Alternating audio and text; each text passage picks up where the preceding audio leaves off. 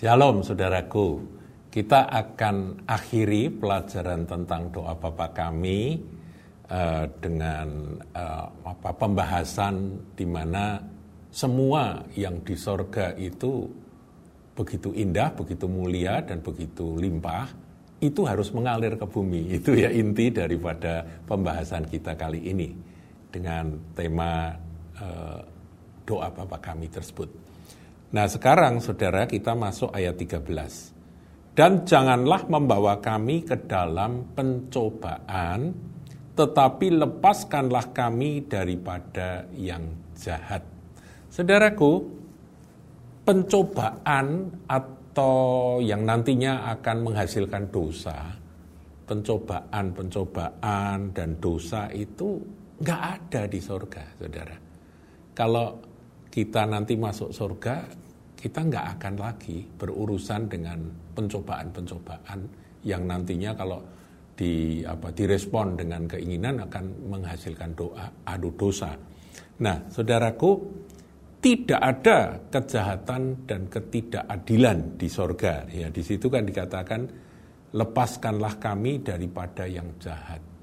Jadi kita diminta supaya suasana keadaan sorgawi itu benar-benar terjadi di bumi ini di dalam hidup saudara, dalam hati saudara, pikiran saudara, dan dalam eh, pekerjaan sehari-hari yang kita lakukan.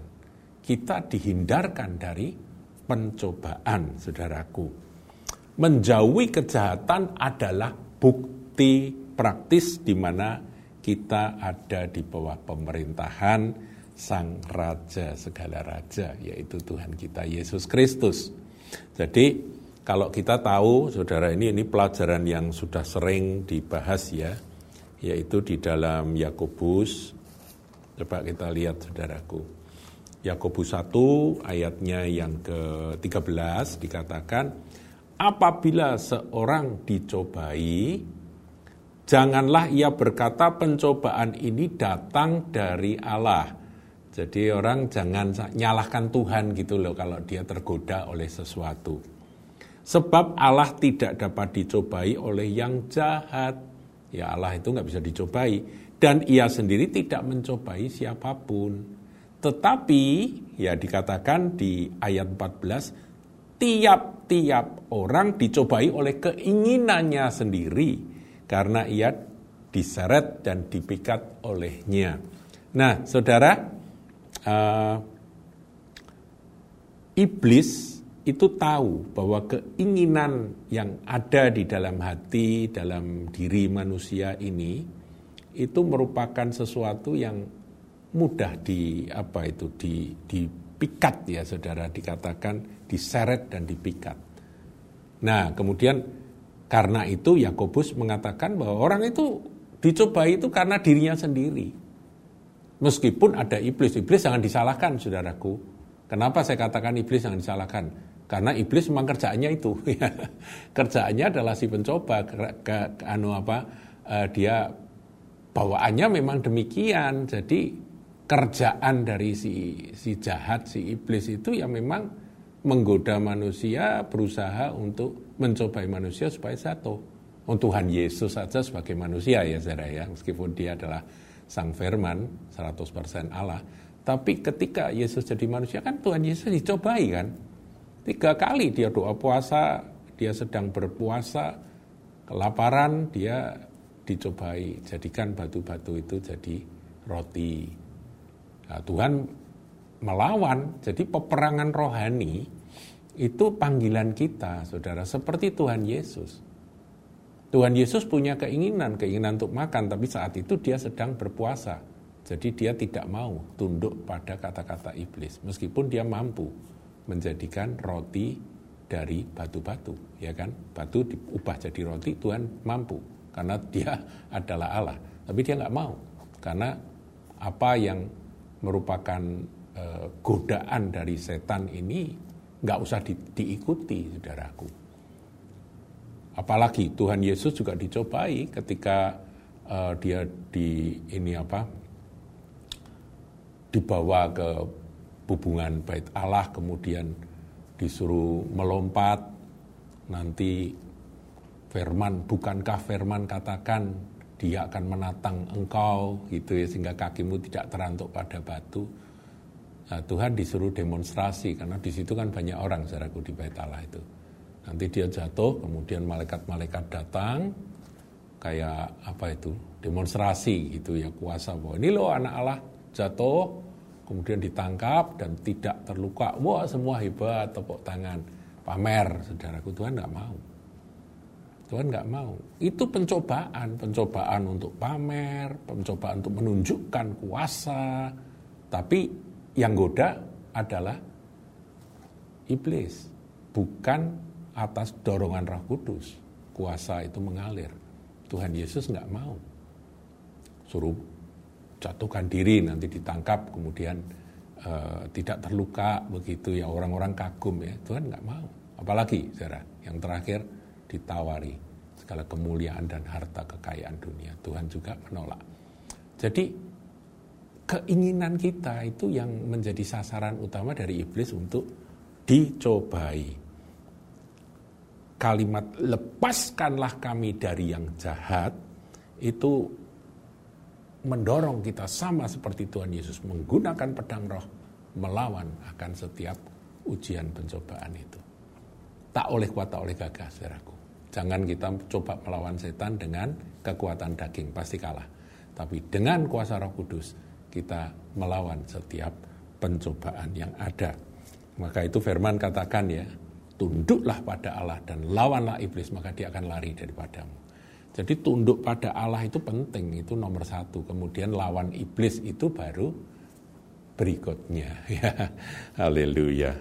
Nah, jadi eh, setiap orang percaya harus memiliki keyakinan yang teguh bahwa iblis tidak mampu menyentuh kita ketika kita berdoa. Doanya seperti itu. Tuhan, bebaskan aku dari yang jahat. Jangan sampai aku masuk dalam pencobaan kita minta Roh Kudus menolong keinginan kita diteguhkan untuk memilih Tuhan daripada mengikuti akan bujukan dari si jahat. Ya, saudaraku, itu adalah poin berikutnya dan yang terakhir, saudaraku, ya yang terakhir dikatakan karena engkaulah yang empunya kerajaan dan kuasa dan kemuliaan sampai selama-lamanya. Amin. For thine is the kingdom and the power and the glory forever.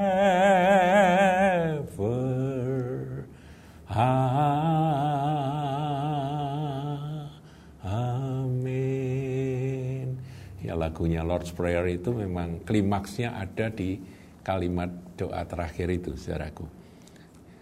Jadi engkau yang empunya kerajaan dan kuasa dan kemuliaan. Jadi kerajaan sorga itu adalah punyanya dia. Ya, punya dia. Sehingga dia berhak untuk memberikannya kepada kita. Jadi kalau saudara datang dan minta, dalam doa Bapa kami.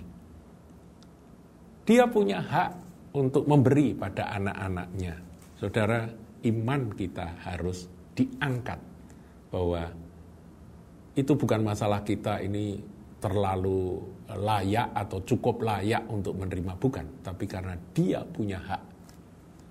Jadi iblis mau mau apa itu mau protes gitu ya. Ini anak-anakmu ini modelnya kayak gini kok engkau memberi.